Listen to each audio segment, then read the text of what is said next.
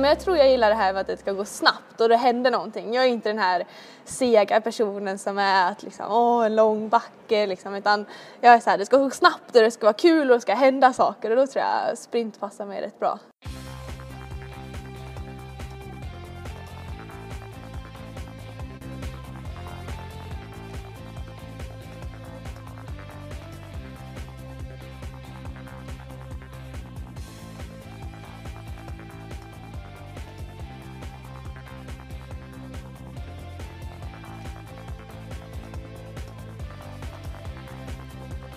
Hallå där! Varmt välkomna till Radio O-ringen Podcast. Detta nummer 114 i ordningen. Och nu blir det mycket snack om skidor. Längdskidor nämligen. Vi har ju ett skid-VM framför oss nu i Seefeld i Österrike. Alltid lika spännande om ni frågar mig. Det var ett skid-SM också som nyss avslutades i Sundsvall. Och där träffade jag Johanna Hagström, Just det, Johanna Hagström från Falköping åker skidor för Ulricehamns IF men är också en väldigt duktig orienterare. Det är den här familjen Hagström ifrån Falköping. Stora syster heter ju Sara, landslagsorienterare och springer för IFK Göteborg. Johanna är inte oäven hon heller tar ju nu steget upp i seniorklassen som orienterare och även som skidåkare. Och i Sundsvall så plockade hon sin första individuella eh, medalj på ett SM när hon blev trea på sprinten där på Södra berget i Sundsvall efter en mycket, mycket övertygande sprint. Och hon har en förmåga, Johanna Hagström, i just sprint att ta sig hela vägen fram till en final. Så att där har hon en styrka. Men inte bara sprint, även distansloppen kan passa Johanna ganska bra. Men det här är ett intressant samtal med Johanna Hagström som har gått på skidgymnasiet i Ulricehamn och som nu har flyttat till Dalarna och Falun och satsar helt och hållet på skidor. Det är väldigt, väldigt spännande. Hon blev också uttagen till världskuppen i Lahtis nu alldeles nyss här och eh, var ju fyra i kvalet och vann kvartsfinalen på ett väldigt övertygande sätt innan hon sen blev utslagen i semifinalen. Men luta er tillbaka hörni och lyssna till Johanna Hagström, en kvittrande Johanna Hagström ifrån Falköping men åker alltså skidor för Ulricehamn. Och vill ni ha kontakt med Radio O-ringen Podcast? Jag har skickat mejl till radio oringen.se. Men nu, hörni, säger vi välkommen till Radio O-ringen Podcast nummer 114 och framförallt till Johanna Hagström. Ja, tack så mycket. Verkligen. Ja. Glad och positiv. Jag såg att du fick ett eh, stipendium här om året, Jim Åhls, minnes, eh, ur Jim Åhls minnesfond. Mm. Jim Åhl var en skidåkare från Gällivare som dog bara 23 år gammal, eh, hjärtfel. Mm. Han delat ut ett stipendium på 20 000 kronor och där står det att du är glad och positiv. Är det någonting du skriver under på? Mm, ja, men det tycker jag. Det skulle jag nog kunna känna tycker jag mig faktiskt. Hur har det blivit så? Oj, nej men jag vet inte. Nej men, eh, jag tror det är ganska bra att tänka typ från, alltså göra om det negativa till det positiva tror jag. Eh, och sen också, jag är mycket för att ha kul. Då blir man ju glad när man har kul. Idrott är kul. Har Ja. det alltid varit det? ja, alltid. Ja, inte, inte alltid då, men ja, men det tycker jag. Idrott är jättekul. Mm. Det är det. Eh, du har en stora syster Sara som är i landslaget i orientering. Känner Mm. vi sedan väl, eh, sedan många år tillbaka. Du själv Johanna, ja du orienterar också, men det blev skidor som blev din Mm. idrott. Varför blev det så? Oj! Nej men jag har väl typ alltid varit orienterare så som Sara från början. Typ familjen har hållit på med orientering eh, hela tiden vad jag minns. Men sen så vi höll ju på med skidor också.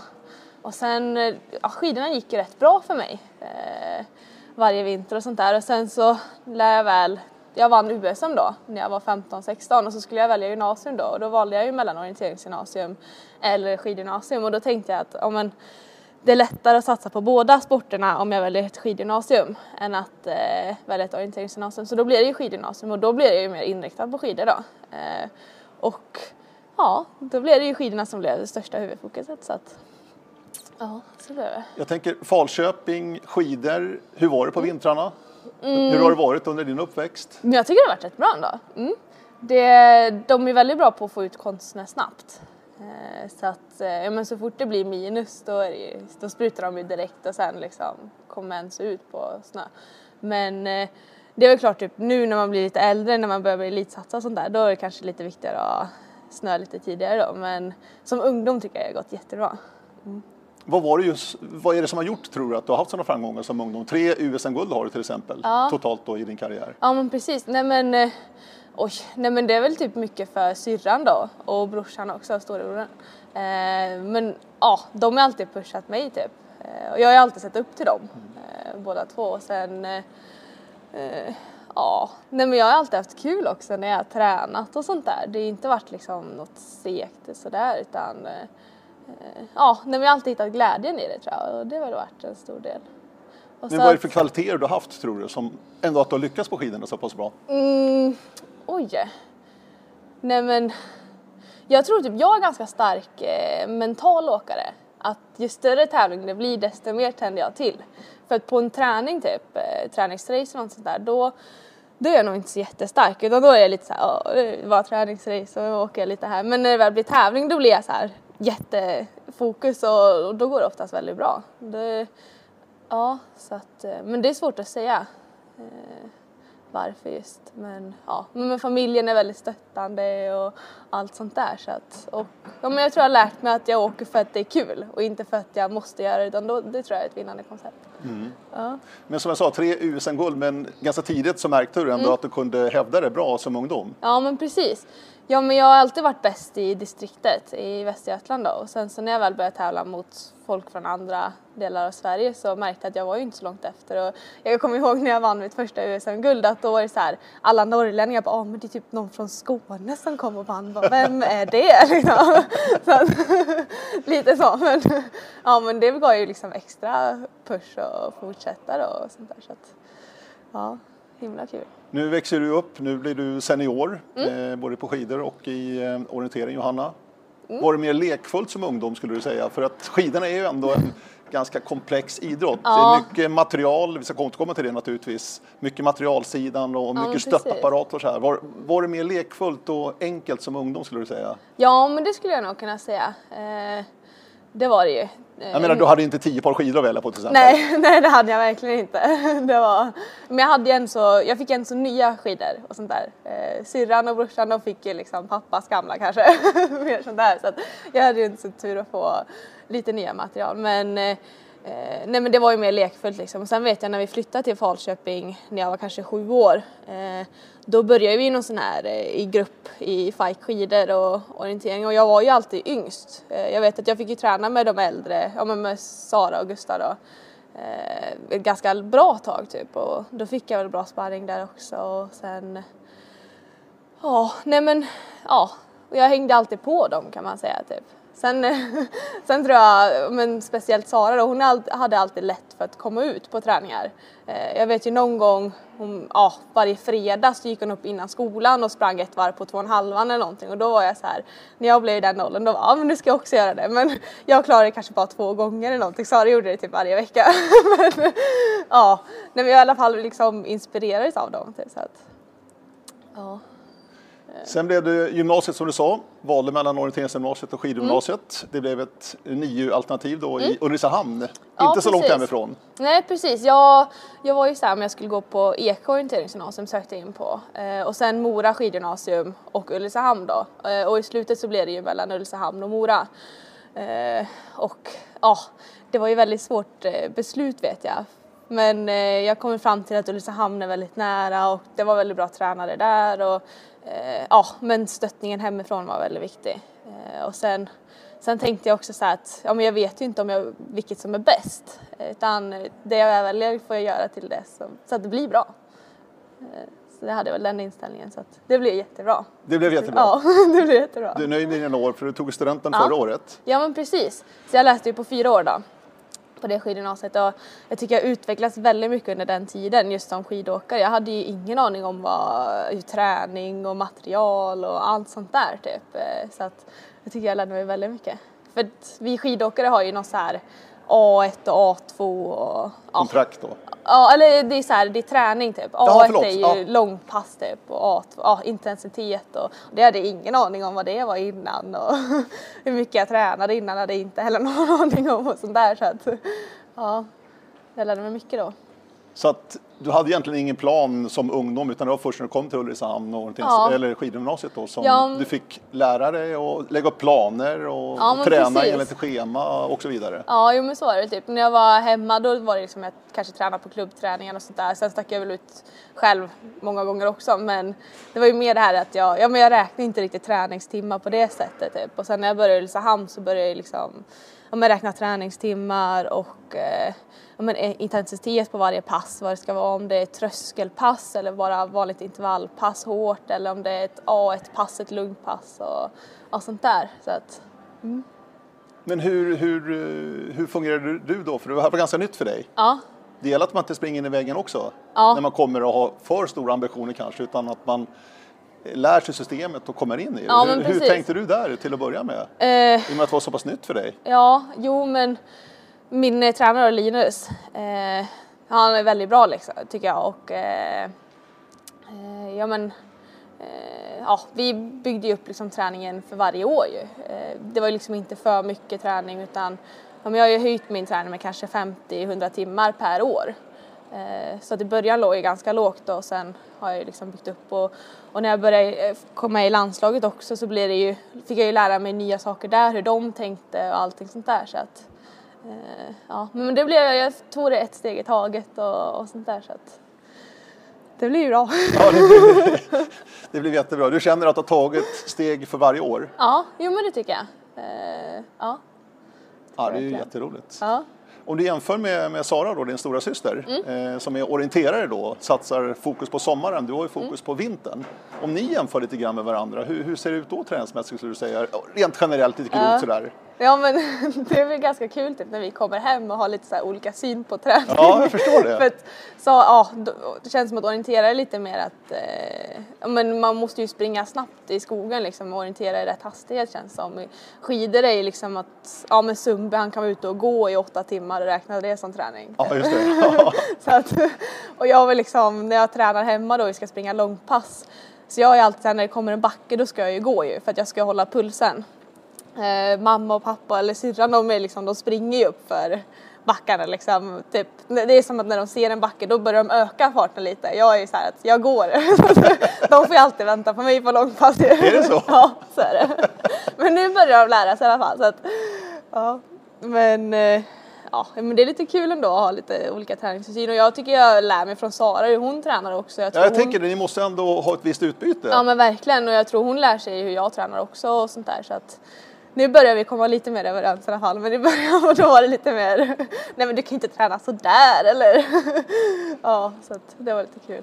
För, nu, för dig Johanna har det ju blivit, skidorna är ditt fokus så att säga. Mm. Orienteringen är en kul del på sommaren för du springer ju fortfarande gärna orientering. Mm, ja men jättegärna, alltså jag tycker orientering är hur kul som helst. Och, men jag har den här gränsen nu att så länge det ger mer energi än vad det tar energi så håller jag på med orientering och just nu ger det mer energi än vad det tar. Så att just nu tycker jag orientering är jättekul. Annars då, eh, skidgymnasiet, gymnasietiden, de fyra åren, naturvetenskaplig gick du. Mm. Precis. Vad ska du bli när du blir stor förresten? Eh, oj, det vet jag inte. jag har tänkt till så här idrottslärare eller mattelärare typ. Okej. men eh, ja, just nu är det väl skidorna som är i fokus. så får vi se sen. Så nu är det fokus på träning och skidor, ingen studier eller någonting just nu? Mm. Eh, Nej. Du du flyttat till Falun? Ja precis, Mm. jag har flyttat till Falun ja. Nej just nu tränar jag på heltid då. Eh, jag tänkte att jag kanske skulle skaffa något jobb eller att jag kanske skulle plugga lite grann men ja det blev träning och det funkar bra än så länge. Det fungerar ändå? Ja, Du får det gå runt? Jag. Ja. Ja. men jag har ju jobbat ganska mycket med sponsorer och sånt där och mamma och pappa har hjälpt mig ganska mycket med det också. Eh, så där får jag lite intäkter då. Eh, men ja, får se lite hur jag gör till våren men nu i höstas i alla fall och vintern så har jag bara tränat då och det har gått jättebra. Ja. Vad gör du vid sidan om träningen? För att jag menar, träna, du kan inte träna hela dagen ändå. Vad hittar du på? Oj, nej men eh, eh, oftast brukar jag vila liksom för att Ja, återhämtning är ju viktigt Ja, naturligtvis. precis. Ja. För trän, den tar ju rätt mycket energi och sånt där. Men, eh, eh, ja. ja, men jag är väl ganska äventyrlig av mig. Det känns som att jag gillar att åka iväg och, och resa och upptäcka saker och sånt där. Så att, det känns som när jag är hemma då är jag mest här, åh skönt att vara hemma och ta det lite lugnt och vara lite lat. Jag, jag är lite lat också. Men eh, ibland spelar jag lite piano och försöker lära mig lite det. Eh, eller lite gitarr och sånt där. Eh, och jag har väl börjat läsa lite mer böcker nu också. Mm. Eh, nej, men man får hitta på lite saker som man kanske inte skulle ha hunnit med i skolan eh, när man har haft plugg. Så försöka göra det. Mm. Fiol kan du spela också? Mm, kunde? Nej, det är nog mer Sara som kunde det. Är det? Ja, men jag kan lite, lite, lite grann. Ja, jag hörde det. Alltså. Det var någon som viskade mig att hon kan spela fiol. Jaha, ja, det är nog, Sara är nog lite bättre på det. Hon spelade när hon var liten. Ja. Men jag är nog inte riktigt lika bra. Musiken, har du fått det hemifrån eller? Ja. Okej. Okay. Det har jag fått. Pappa är väldigt musikalisk typ, och brorsan också jättemusikalisk. Så att det har jag nog fått från dem. Det har varit mycket musik hemma liksom när ja. du vuxit upp? Ja, det har det varit. Ja, okay. ja. Spännande. Väldigt kul. Vissla kan du göra också? Mm, det du är bra, bra på att vissla säger mm. du? Mm, jag, jag tänker på den här filmen på julafton, Kan du vissla Johanna? Ja. det passar rätt bra. Ja. kan, du, kan du bara ge ett smakprov? Äh, oj, nu? Ja, vissla Nej, någonting. Men, du är bra på att vissla. Ja. Mm. ja, ja. Då är den. Har, har du användning av den, den, den där talangen? Mm, nej, det är väl kanske mer bara på skoj liksom okay. ibland. Ja. Så är det väl. Du, eh, vi träffas i Sundsvall. Mm. Det är ju SM-veckan på skidor här. Mm. Du är nyss hemkommen från U23-VM i Lahtis, ett kallt Finland och kallt ja. Lahtis. Ja. Eh, där du tog två fina sjätteplatser. Upp i final i sprinten mm. och blev sexa i massstarten. Mm, Vad tar precis. du med dig från det där? Hur, hur, hur känns det? Det Oj. saldot, det, det ja. resultats... Är du nöjd med U23-VM? Ja, jo men det är väl. Alltså, det är väl typ både och. Det känns som att det var två, alltså sjätte plats på U23-VM är väldigt bra.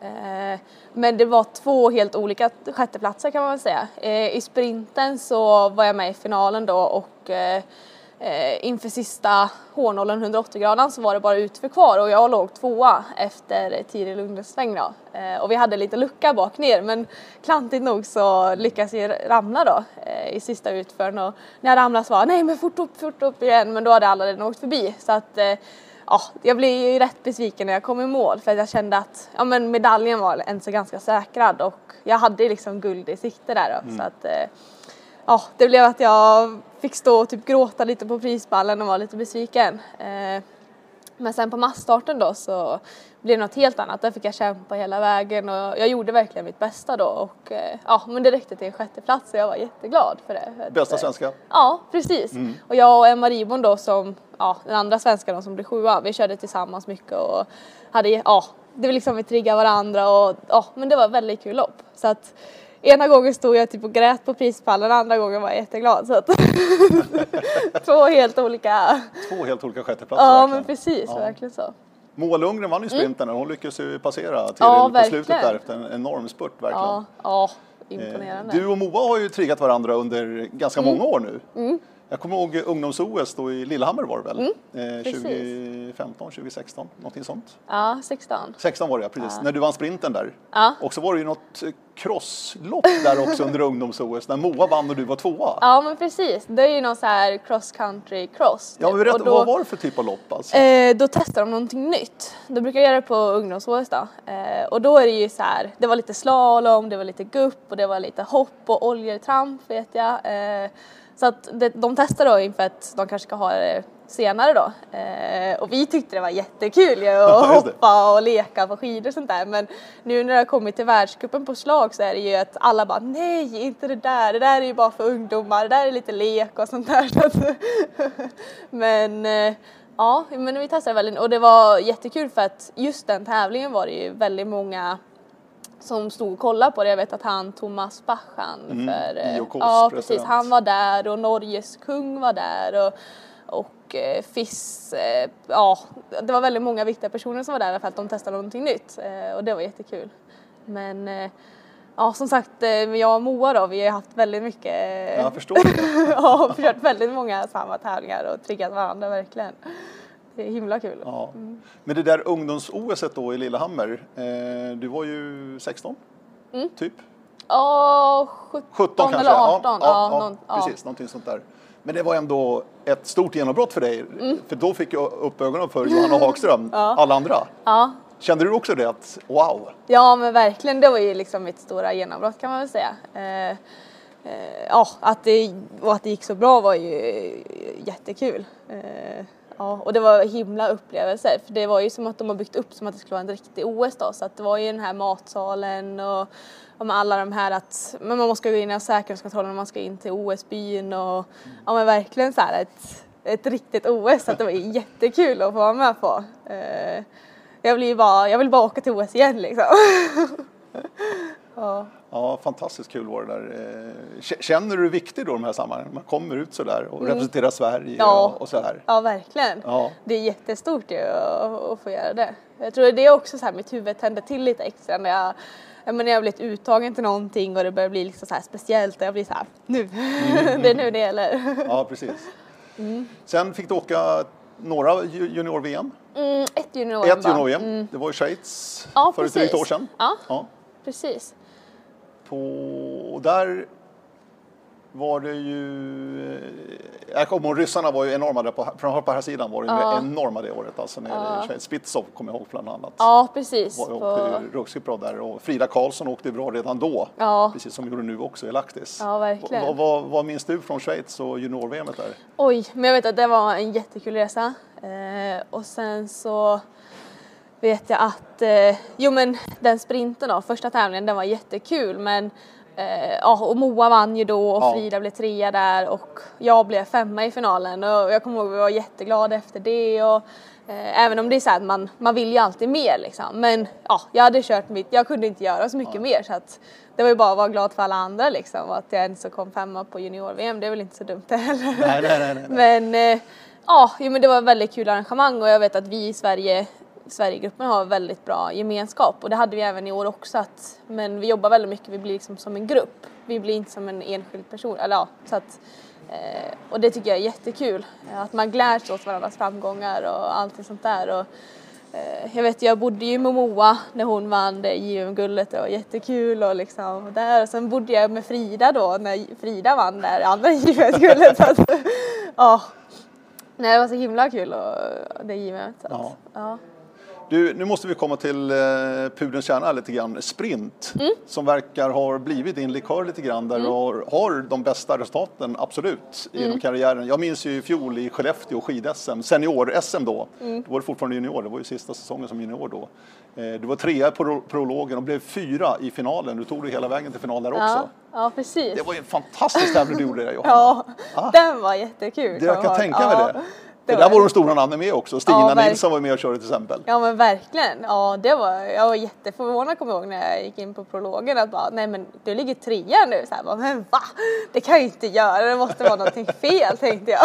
Men, ja så var det ju. Ja. Men vad är det med sprinten som passar dig Johanna? Eh, men jag För tror... den, det, det är ju alldeles tydligt att det passar dig. Ja, ja men precis. Men jag tror jag gillar det här med att det ska gå snabbt och det händer någonting. Jag är inte den här sega personen som är att liksom, åh, en lång backe liksom, utan jag är så här, det ska gå snabbt och det ska vara kul och det ska hända saker och då tror jag sprint passar mig rätt bra. Eh, Explosiviteten. Ja, men lite så. Ja. Fritt eller klassiskt, spelar det någon roll?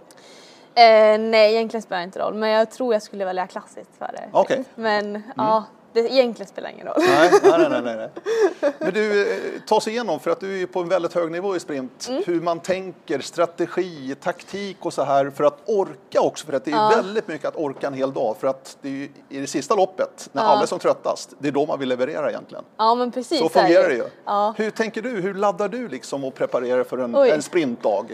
Nej men jag sa ju det till mina ledare nu på U23-VM eh, att sprint är egentligen den tråkigaste, eller den jobbigaste distansen Ja. kan man tänka för att när du kommer i mål då är du inte i mål utan då måste du börja ladda om inför nästa Exakt. sprint och värma, ja, varva ner och värma upp och allting sånt där men ja men man brukar säga att sprint är ju det som kräver mest eh, planering inför. Mm. Eh, det, är mycket så taktik och hur man ska åka och sånt där. Mer än vad det gäller på en distans. Eh, och sen så är det också väldigt viktigt med energiintag. Eh, att eh, ja, men, dricka mycket och äta, ja, äta, få i sig energi liksom efter varje lopp. Och ja, men just det här att man måste värma upp upp bra och du ska liksom varva ner och så vilar du lite efter prologen och sen blir det värma upp till kvarten och så blir det liksom, du måste hålla igång och, ja, men, och få i dig mat och ja, sånt där så att jag tror Egentligen är, har jag lärt mig de senaste åren att maten är det absolut viktigaste att man eh, för det är det som ger liksom kraften till finalen. Eh, det är där man, mm. ja så att, eh, Dricka och energi, vad, vad, vad, stoppar du i dig under en sprintdag? Eh, sportdryck. Sportdryck? Ja. ja. Nej men på frukost är det liksom en ja, gröt och macka och allt sånt mm, där mm. Eh, vanligt typ. Eh, och sen så är det alltid, ofta ska man ha ett vätskebälte under prologen då, så att det ska vara slut när man går i mål på prologen. Okej. Okay. Ja. Eh, och sen ska man ha, dricka mer då och så äta lite mer energi då jag brukar alltid äta risifrutti mellan ah, prologen ja. ah, och okay. kvarten. Ja, ja. Det brukar vara bra. Eh, och sen så ska man alltid tömma nästa vätskebälte då till finalen. Eh, och sen så ja, gäller ju att få i sig mycket ja, sportdryck och med landslaget då så är det efterdryck och allting så, här, så att, mm. Och sen så oftast är det ju en tävling efter sprinten så att direkt när man kommit mål då, då är det liksom ladda om inför nästa dag och Massage? ja. Tar du sånt? Ja. Eh, på JVM och U23-VM har de det mm. så att då brukar jag ta det. Mm. Det kan vara skönt. och mellan heaten då när du ska ladda inför nästa heat, om det är mm. kvartsfinal eller semifinal, vad, vad gör du för att hålla igång så att säga? Eh, För det finns ju också lite olika metodiker. Ja men precis, ja, men då brukar jag väl bara hålla igång kroppen så att den är varm. Liksom. Så att det, Joggar eller? Ja, jogga lite typ och ja, åka lite skidor kanske, lite lugnt sånt där. Men jag vet på U23-VM då är det så himla kallt. Då var det väl kanske minus 19 eller någonting när finalen gick. Så att då var jag mest inomhus och ja, okay. försökte bara, ja men inte vara ute så mycket för att det tar rätt mycket energi att vara ute i kylan. Då var det ju mer att okej, okay, var inne lite, ut och jogga lite, var inne lite och så. så att, mm. ja. Du, eh, om vi börjar prologen. Mm. Är det 100% insats? Ja, men det är För dig är det det? är liksom, då är det bara att blåsa, blåsa ja. igenom alltså? Ja, men så är det väl. Uh, ja. Det är ingen tvekan liksom, utan nej. inte åka med någon handbroms utan... Nej. nej. Sen tycker jag alltid man får så himla chock efter prologen. det blir alltid det här att ja men det är så jobbigt liksom, man är inte riktigt helt färdiguppvärmd känns som varje gång man kör prolog och det blir lite så här Åh hjälp vad jobbigt det var nu men mm. ja, det, men det, prologen är alltid värst egentligen efter målgång. Sen är det väl eh, typ kvarten och semifinalen, de är alltid lite mer uppvärmda och då är det alltid folk runt omkring liksom. Men prologen är alltid fullt ös. När du kom fram då till kvartsfinalen, mm. Tittar du på dina motståndare och bygger en strategi och taktik efter det eller hur, hur fungerar mm, du? Nej, men det, det, försöker jag väl inte göra så jättemycket utan... Du fokuserar på ditt? Ja, okay. för det mesta brukar jag fokusera på mitt. Men ja. det är väl klart typ att man kollar vilka det är man kör mot. Eh, men eh, jag brukar ofta fokusera på mig själv. Eh, och sen så... Hur vill du ha dina lopp då? Vill du ligga fram och styra som när Emil Jönsson var som bäst? Då ja. var han uppe där och styrde helt och hållet verkligen. Alltså. Jo men det är ju alltid, jag tycker jätteskönt att ligga först och styra. Ja. För då, alltså det blir inte störd av någon annan bakifrån. Och, och eh, ja, men man kan ju inte bli trängd på samma sätt. Sen är det alltid jobbigt om de kommer upp liksom bredvid och ska försöka pressa och ligger på stavarna eller sånt där. Men ja, men jag tror jag gillar att ligga först ganska mycket och styra lite. Eh, och sen som sprinter är alltid bra den här egenskapen att man kan ja, men tempoväxla. Distansåkare inte riktigt, de har oftast ett tempo. Sprintåkare är oftast lite mer olika så att då kan det alltid vara skönt att ligga lite så här och ja, man kör lite långsammare kanske och sen snabba till lite och sånt där. Och det brukar alltid vara väldigt jobbigt för de som ligger bakom eh, om man ligger först och så. så att det är väl lite en taktik då att kanske just i de här brantaste partierna då kanske jag tar det lite lugnare och medan på krönen då trycker jag lite hårdare för då blir det mest dragspelseffekt. och man får tänka lite så. så att, eh, och vart man kan bilda luckor och, eh, och vart de andra kan tänkas ta sug på en eller vart jag kan gå med andra, vart ja, om det är kurvorna, liksom hur man ska trycka där. Så det är väldigt mycket, det är inte bara backarna som jag tänker utan jag tänker mest krönor, kurvor, utförs och, och sånt där. Så att ta extra stavtag utför utförsbackarna och sånt där. Så att, mm. Är det, här, är det här någonting du lägger upp själv eller har du någon att bolla med när ni åker runt och tittar på banan och sånt där? För att det måste du göra väldigt, väldigt noggrant ja, precis ja, för att precis. hitta de här ställena. Ja men precis, ja, men oftast brukar jag ju gå igenom det själv liksom. Sen har man alltid någon man diskuterar det med. Eh, om det kan vara en, en kompis eller tränare eller pappa eller någon sån där typ. Eh, men eh, ja. Eh, sprint är ändå, det är mycket action och det händer väldigt mycket. Det är mycket Mm. incidenter också. Det är stavar som kan gå av, man kan kroka i varandra och, och så vidare. Ja, men har, har du klarat det ganska bra eller hur, hur ser det ut? Ja, men det tycker jag väl Ja. så att jag, ja, förutom U23 då när Ja, jag ramlade men, men jag tycker jag brukar klara mig ganska bra men sen är det klart, ja alltså det sprint är ju jobbigt för att just en litet fel kan ju göra så mycket i, eh, i tävlingen liksom att, men just att man tappar balansen en gång då är det liksom, vips kan två stycken personer komma förbi före. Eh, och sånt där. Det är också lite tråkigt med sprint tycker jag men ja, himla kul distans ändå. Jag förstår det. Du har ju en förmåga att ändå ta det hela vägen fram till Ja. finalen. Det tyder också på att du har uthålligheten. Ja, men För den är ju precis. oerhört viktig sprint. Ja, För ja. det ser man ju många som är duktiga prologen, kvarten och sen kanske de inte har någonting kvar. Ja, men och precis. Mm. åker ur ganska, ganska billigt och enkelt känns det som. Så uthålligheten, hur jobbar du med den rent träningsmässigt? För att det här är så speciellt sprinten som vi varit inne på. Ja, ja men precis. Nej men eh, jag vet inte, men vi har ju ganska många A1-pass då som vi kör. Långpass liksom. Eh, Vad innebär det? så Alltså, hur långt är det då? Ett, Det ett A1-pass? brukar vara typ två timmar. Det är ganska ja, standard. Mm. Två timmar. Då är det liksom mellan viss pulszoner då. Så att eh, det är ganska, det är prattempo brukar jag tänka. Ja. Mm. Man kan springa och prata och sånt där. Eh, och det är väl liksom, då tränar man väl upp lite uthållighet. Och sen så kör vi också mycket tröskelpass. Eh, ganska långa. Och Ja, då berätta för de man ju- som inte förstår. Tröskelpass, vad innebär Ja, det? men då ligger man ju precis under tröskeln.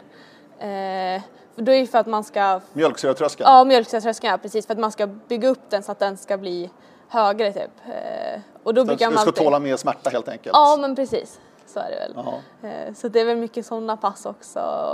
Ja, nej jag vet inte, det är väl all träning där, det är väl. Ja, det. Ja, Egentligen, ja. men ja, ja, men mycket sånt. Men jag tänker på skidgymnasiet då, Ulricehamn. Mm. Hur mycket specifik sprintträning hade ni? För att det är ändå vissa bitar. Starten är viktig till Mm. exempel. Hitta, alltså det är mycket teknik och hitta rätt eh, i allting egentligen. Alltså hur mycket tränar ni på sånt där? Ni Eh. som är duktiga i sprint. Ja, nej men det är väl ingen så här spe specifik Det är inte det? träning. Nej. Nej. men vi brukar ju köra impulser. Eh, det brukar man göra mer nu. Eh, och det är ju ja, men, korta snabba drag. Det kan vara från 5 sekunder till typ 20 sekunder. Ganska precis innan du liksom får det här mjölksyrainslaget. Det kan vara liksom max eller det kan vara ja, men väldigt hög, hög hastighet. Det är då så man tränar upp snabbheten då. Eller jag har gjort det i alla fall. Eh, och då kan man köra starter i kurvor och, och allt sånt där. Så det blir liksom Ja, men snabbt under väldigt kort tid kan man säga. Explosivt. Ja. Eh, och det kanske är väl lite mer sprint, eh, sprintträningar då.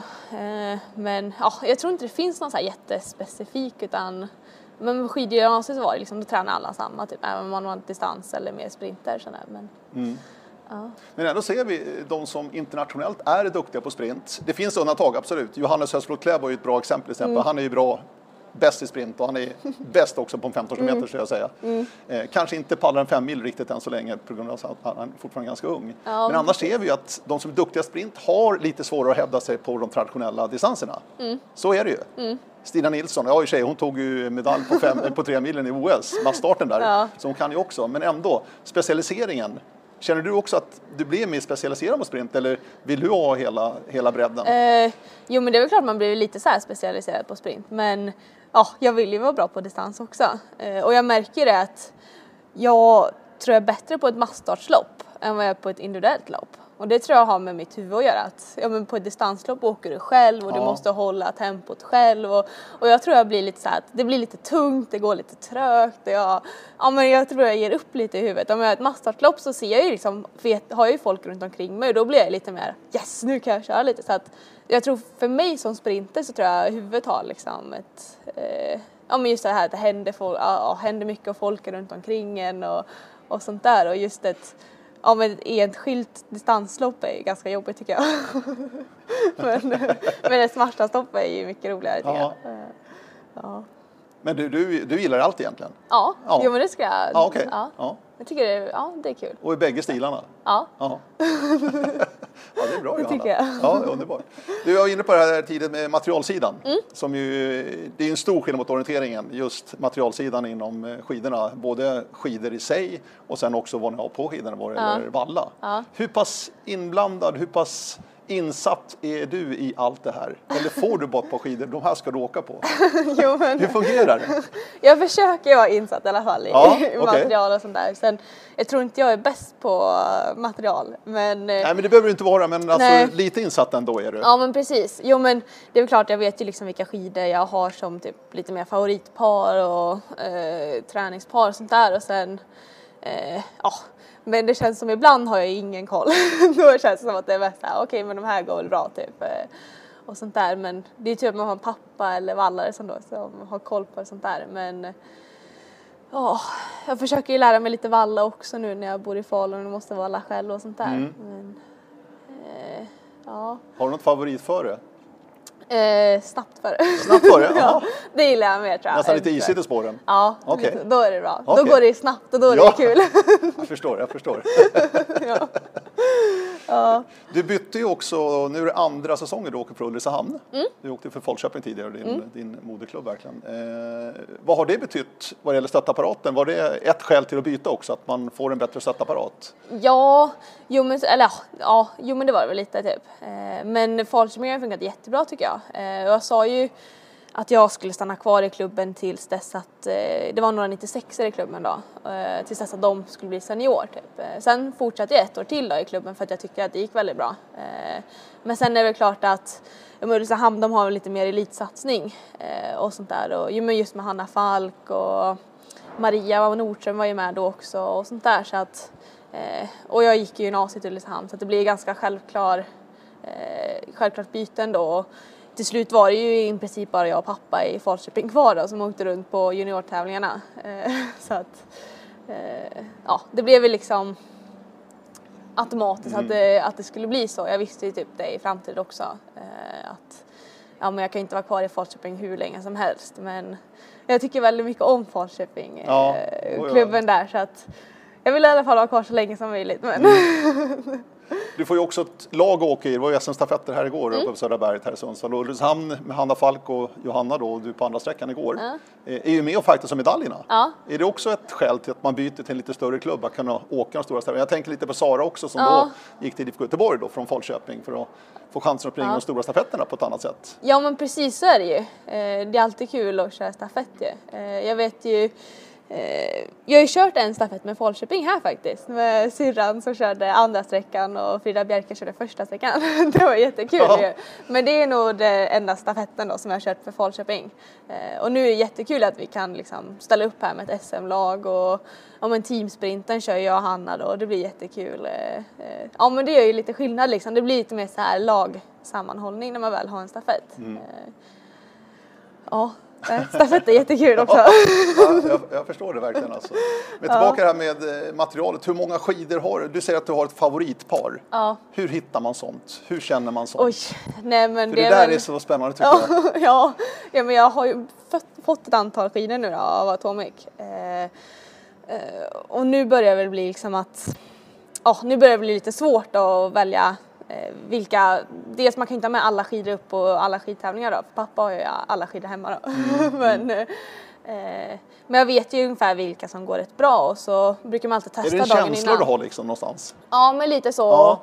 Eh, Och får man ju kolla lite på olika spann. Det finns ju så här ja, men kallsfärgsskidor, varmfärgsskidor och mediumskidor kan man väl säga med olika slip på då. Så att, men då kollar man ju på vädret hur kallt det blir och så om det ska bli då kanske minus 10 så blir det den här B-slipen då som är kall eh, oftast. Eh, och då tar man ut kanske ja, men fyra par då utav dem eh, som man vet går bra och sen så testar man dem då dagen innan och sen så har man kvar två par till tävlingsdagen och så preparerar man dem och så, tävlar, eller så testar man dem på morgonen då och då vet man ungefär vilket par som går bäst just då, då. och sen och så vet man ju då till nästa gång att ja, men de här två paren gick bra till, i det här föret då. Så att eh, eh nästa gång det blir samma före då tar man dem igen då. Eh, om det kanske blir lite varmare då kanske man testar några andra skidor då som man vet går bra. Så att, eh, men jag har några bra skidor Mm. då som jag vet är, är riktigt bra.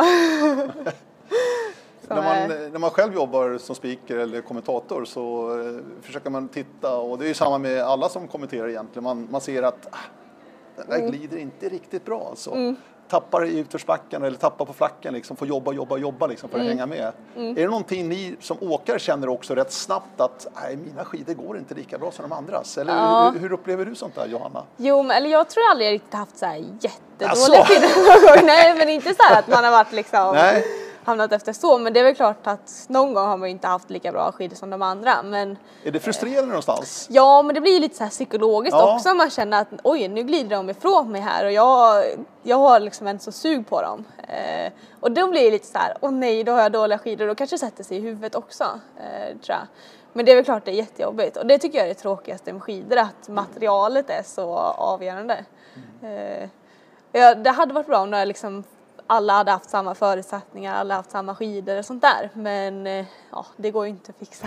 Nej, så är det ju. Så är det ju. Det är ju en del av sporten Ja men faktiskt. precis så är det ju. Eh, och sen har jag alltid tyckt så här synd om typ vallarna som ska upp tidigt och sånt där. Men nu har jag inte börjat förstå att vallarna tycker det är jättekul och de tävlar ju mot varandra. Ja, så är det ju. ja, jag vet, jag vet ju så här på junior-VM när de står och bara yes! Våran gled lite längre än den andra. och sånt där så att ja det är lite kul. Det blir som de, en tävling för dem också. Ja. Skulle du säga att skidorna och dess beskaffenhet är lika viktiga i sprint som på ett, eh, ett distanslopp? Eh, ja, jo men det ska jag säga. Mm. Ja, det är väl, ja. Distanslopp kanske blir lite jobbigare om man har eh, mycket sämre då. Men ja, sprint också. Ja, nej, det skulle jag ändå säga. Ja. Samma. Du, eh, titta framåt. Vad, vad, vad ser du framför dig i din karriär? Du tar ju kliv för kliv känns Mm. det som varje, varje säsong här Johanna. Vad ser du framför dig, liksom, din karriär? Oj, eh, ingenting så här speciellt just nu men det är klart jag har ju typ som framtids, alltså jag vill ju komma med på ett OS då i och med att jag var med i Lillehammer där och Beijing 2022? ja, eller Stockholm kanske. Stockholm 2026. 26? Bra! Det skulle vara väldigt bra. Ja, ja. Men du, du har den horisonten ändå? Ja, Titta så långt. jag. Ja, det är Ja. spännande. Och jag börjar känna lite så att ja, men i år är det inte omöjligt att komma med till VM nu när Stina kanske inte ska vara med då, vilket är jättetråkigt. Men eh, alltså det är ju inte omöjligt. Och det börjar jag känna så här, nej men, nej men nu börjar jag liksom komma upp i den nivån då att eh, ja, men VM-platser börjar bli liksom möjliga. Eh, Det känns som innan säsongen hade jag här att nej men det är U23-VM som är liksom största fokuset men ja, jag får börja sikta lite längre fram nu kanske. Nästa VM sen efter Seefeld är ju 2021. Ja, Det är väl Oberstdorf va? Ja, kanske det. Tror jag. Ja, det har jag inte jättebra koll på. Nej, inte jag heller. Jag, jag, jag låter det vara osagt. Ja, 23 sen i alla fall nere i Slovenien vet jag. ja precis. Ja, det blir fint. Ja, Eh, så, Riktigt fint. Men du, eh, du är en del av eh, skiktet precis under det svenska landslaget. Mm. Och det svenska laget just nu i sprint på den kvinnliga sidan. Mm. är ju enormt starkt. ja, Är det någonting som sporrar dig eller känns det, ja, du vann ju skandinaviska cupen i Vuokatti till exempel Mm. här i början på året ju.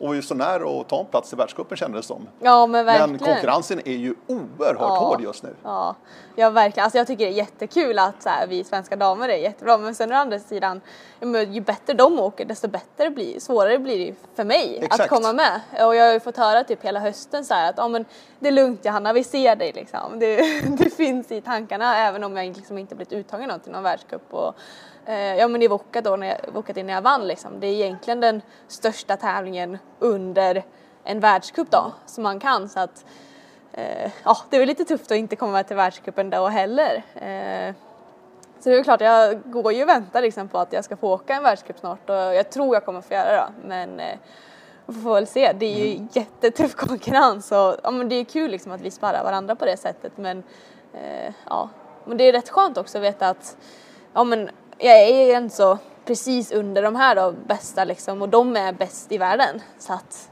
eh, jag är inte så långt ifrån där. Nej, Vilket nej. är himla häftigt. Ja. Eh, För den där segern i Vuokatti då, Mm. skandinaviska cupen, det måste ändå bli den största segern någonsin. Ja, jo men det, det tror jag absolut. Ja. Eh, ja. För Moa Lundgren var tvåa då? Ja, precis. Då fick du slå mål. Ja. precis, det var skönt. Ja, just det. Nej, för det, det pratas ju mycket om just nu inom svensk eh, längdskidåkning, framförallt på Mm. den kvinnliga sidan. Herrarna har det ju väldigt, väldigt tufft just nu. Har ju eh, väldigt, väldigt jobbigt jämfört Ja, med, precis. med eh, ni på den kvinnliga sidan. Att Stina Nilsson, framförallt då som det, den stora stjärnan verkligen alltså, att hon drar med er övriga då Ja. Beroende på att det är mycket kvalitet. Men hur mycket tränar du tillsammans, med de här tjejerna som är, åker A-landslaget? det är inte så ofta ändå? Va? Nej, det är det väl inte. De har ju det här A-laget och Team Bauhaus då. Mm. Eh, och jag som är i utvecklingslandslaget eh, tränar inte riktigt med dem då. Eh, men eh, jag har ju tävlat mot dem ändå eh, några gånger. Eh, och sånt där. Och Hanna är ju samma klubb då. Eh, så att, men eh, det är väl klart vi i det här utvecklingslandslaget tränar ju också väldigt mycket ihop och där är ju Moa med och Frida med och Elina Rönnlund där, Marie Bom, ja, vi är jättemånga där som, som sparar varandra också. Vi ligger ju precis där under, eh, under gränsen då så att ja, jag men eh, ja. Du väntar på det här samtalet? Ja, världscupen? Ja, lite så. Ja, jag förstår det. Så hoppas det kommer snart. Det ska bli ja. spännande. Ja. Nu spelar vi in det här dagen innan SM-sprinten här i Sundsvall så att du håller på att ladda inför morgondagen här. Mm. Ja, så ni, ni får kolla framöver hur det gick för Johanna på SM.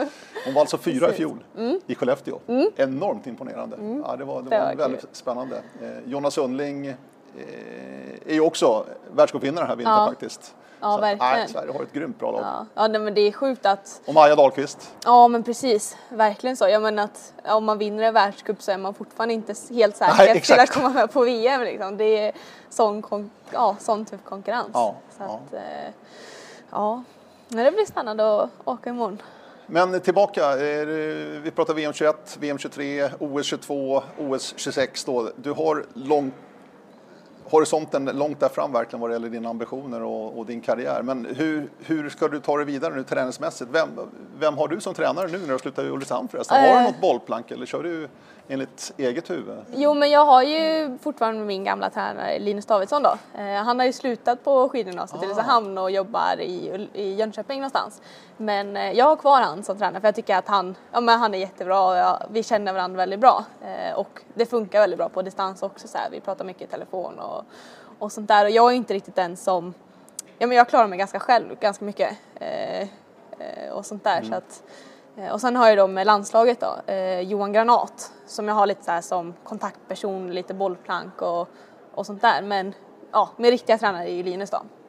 Som planerar allting sånt där. Så att, För det, skidåkning är ju att mycket mängdträning under sommaren. Mm. Eh, lite skidor också, eh, kanske något glaciärläger och annat för att stå på skidorna i alla fall. Men mycket Ja, mängdträning. Sen under vintern så blir det väldigt mycket tävlingar, mycket resande också för er. ja, ja. Hur, hur mycket hin- hinner man, är det bara att underhålla själva träningen då eller hur funkar Ja, det där? jo men så är det väl liksom mellan varje tävling så blir det ju att ja, man tränar på lite typ på måndagen, tisdagen och sen blir det liksom ladda upp inför nästa då. Eh, sen brukar man alltid ha över jul så är det ett liksom juluppehåll så att då har man ju oftast lite mer mängd av träning så att eh, man kan fokusera på. Sen är det också så här, ja, men så olika vad man har för mål då. Eh, och om jag skulle ha VM som mål då så kanske jag skulle ligga lite mer träning nu då, lite mer mängd och, och sen trappa upp inför VM och sånt där så att eh, men ja, oftast brukar det rulla på ganska bra. Eh, och sånt där. Men sen det är alltid klart, man har ju alltid lite dippar och toppar på säsongen så att det är svårt att hålla i formen hela Mm. Ja, ja, säsongen. det förstår jag. Alltså. Ja. Men har du hittat någon modell för att kunna bygga mot en formtopp? Eh, ja men det, det tror jag. Ja.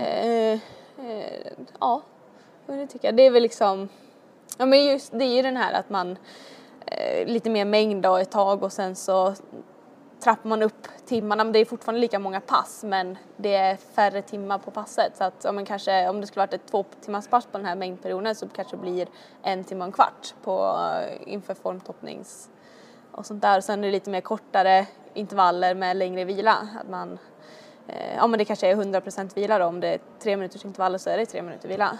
Eh, och sånt där. Det är ju inför, inför tävlingar och inför säsong. sådär, Så att, Härligt. Eh, orienteringen då? Mm.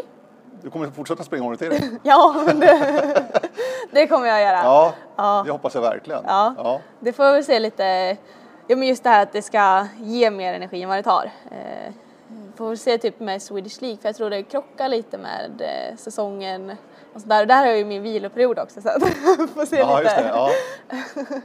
får se lite hur det blir men O-ringen är alltid ett måste. Ja, jag förstår ja, det. det. Det måste man med på. Ja, ja, du var ju med uppe i Höga Kusten. Det var ju fantastiskt. Ja. Du sprang bra några dagar där Ja. också. Riktigt Ja, bra. verkligen. Ja. Ja, det var I, eh, jättekul. Det var ditt sista år som junior ju. Ja, precis. Nu kommer du kliva upp på de stora. De Ja, långa verkligen. banorna. Ja, så är det ju. Det kanske passar dig bra. Ja, jo men det tror jag. Eh, det blir nog, ja, väldigt kul. O-ringen är alltid kul för det är alltid, ja men det är ju det här med att det är mycket folk i skogen, det händer saker runt omkring så här så att, ja.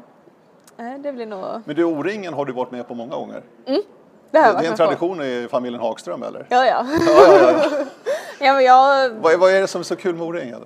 nej men jag, tror den här gem- familjegemenskapen och ja, men just det här man träffar klubben och man hänger på samma ställe. Ja men just det här campinglivet också. Och tävlingarna och ja, nej. Det är alltid, jag skulle säga att en sommar är ingen sommar utan O-ringen. Det är bra sagt. Så skulle jag säga. Det Ja. skulle vara tomt utan O-ringen faktiskt. Ja, ja, ja, ja. Du har koll på vad det går i sommar va? Eh, ja, Ja, mm, Kolmården. ja bra. Jag var tvungen att tänka efter lite här. Det var jag. Ja, det är jättespännande alltså. Men vad tror du, för att förr i tiden, ja förr i tiden, alltså när, när jag växte upp så var ju en, en kombo, en ganska vanlig kombo var ju skidåkare och orienterare på sommaren. Väldigt mycket. Många av de duktiga skidåkarna var ju duktiga orienterare på sommaren också. Men Ja, det ser vi inte så mycket av längre. Nej, jag känns som i landslaget får jag ju lära upp ganska många orienterare. Ja, det är så? Ja, jag förstår det. Så är det väl. Jag tror det är mer typ eh, orienterare som håller på med skidor än eh, skidåkare som håller på med orientering. Eh, vad det känns som i alla fall. Men Jag vet inte riktigt vad det beror på, för att orientering är väldigt bra. Alltså, det är ju bra för fotleder och knän och så här och springa lite obanat. ja, verkligen. För att lära fötter och ben liksom, att Ja. ta, ta emot smällarna själv lite grann. Ja, jag ja, tror det är. Mm. oerhört värde, nyttigt. Men eh, jag tror många är rädda Ja, för just vricka fötterna och så här liksom. ja, ja. Det kan vara ja, så. men precis. Ja, Och sen kanske de inte kan orientera heller. det. ja, så är det nog.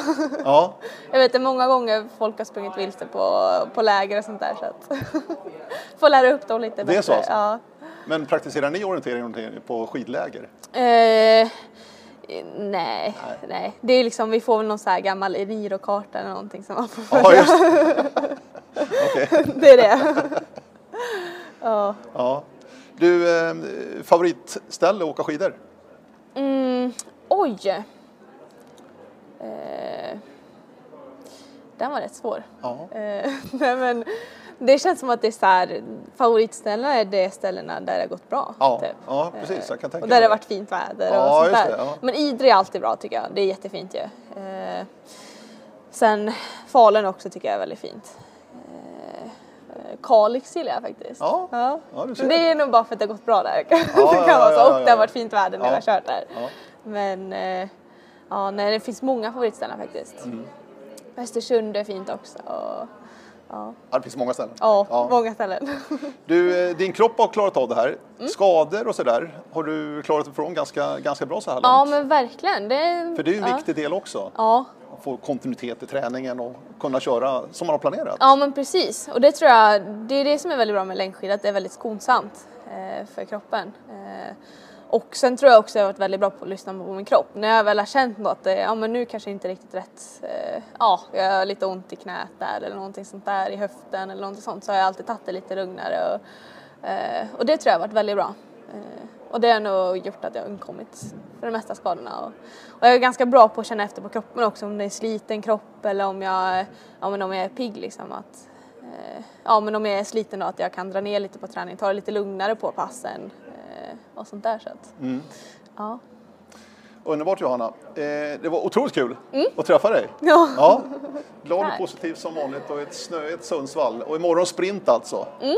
Eh, som sagt var, nu vet ju ni hur det har gått när vi, när vi lyssnar på det här. Men vad har du för tankar inför morgondagen? Oj, eh, ja men det är väl eh, ja, ska ja, köra så bra som möjligt. Nej men eh, det är väl klart jag vill komma till final. Eh, så. Men sen är det jättetufft motstånd. Men eh, jag vet ju ens att eh, alltså VM är ju inte omöjligt. Då. Eh, om man kör bra imorgon så finns det ju en potentiell möjlighet att komma med dit. Men ja, man ska ju inte drömma. Ja, Ja, jag förstår. men, Ja. Ja. men final skulle vara, det skulle vara riktigt häftigt. Så. För i sprinten tror jag att det är ganska mycket så här att eh, om man har vunnit någonting och bygger upp lite grann så sätter du dig respekt hos de andra också. Mm, Oj, Johanna är med här också. Förstår du? Jag tror att det är väldigt mycket så i sprint. Ja men så är det. Ja. Att om du ser att Stina går i samma hit som dig så vet du, oj, okej. ja, ja men precis, då får man ju lite respekt. Ja. Liksom. Ja. ja men det gäller ju att ta bort den respekten imorgon tror jag. Att fokusera på en själv och inte på att eh, Maja Dahlqvist kör bredvid en eller att Hanna är på andra sidan och, och sånt där. Så att, eh, man får inte vara för snäll Jag tror jag ska vara tuff imorgon. Mm. Då, Ja. då blir det nog bra. Och profilen på sprintbanan här i Sundsvall är ju utför och sen är det uppför. Ja, precis. Om man hårdrar lite grann så Ja. är det utför halva och så är det uppför halva. Ja. Så det är en tuff avslutning. Väldigt tuff. Ja, Kan det passa dig tror du? ja men det tror jag. Ja. Eh, ja.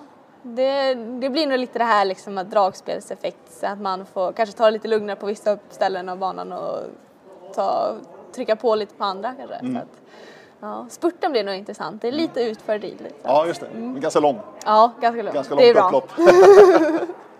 Bra Johanna, Ja. stort tack! Ja. Och lycka till imorgon! Tack så Och fortsatta karriären också. Eh, Radio O-ringen Podcast, hör gärna av er. Radio oringen.se är adressen. Vi tackar för idag från Sundsvall. Sundsvall, ett snöigt Sundsvall.